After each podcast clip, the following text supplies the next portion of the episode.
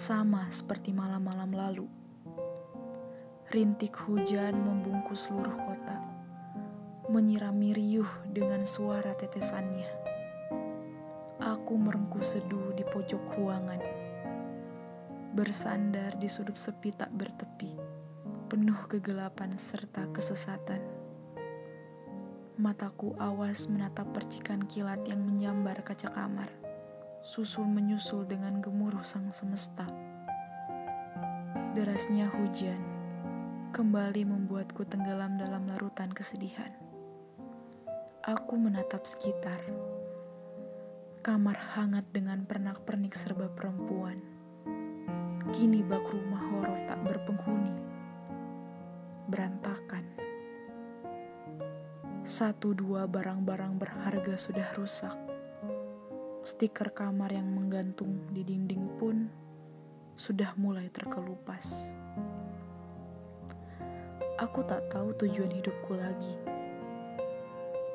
Doa serta harapan yang kugantung di langit sana mungkin sudah terlepas dan terbawa terbang oleh angin.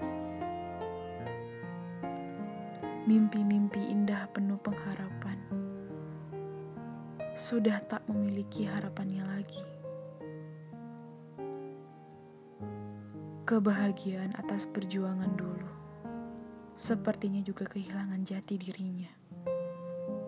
Aku menenggelamkan kembali wajahku, membiarkan isi kepalaku berbicara,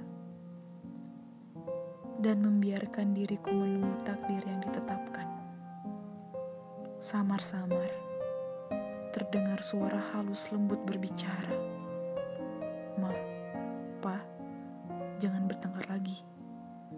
Aku menghiraukan itu. Ma, Pa, jangan bertengkar lagi. Ma, Pa, jangan bertengkar lagi.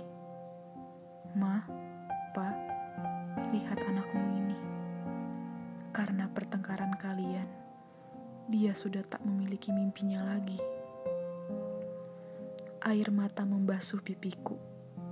Biarkan saja biarkan aku dan hujan menjadi saksi atas runtuhnya segala mimpi yang telah kurakit hari kian hari.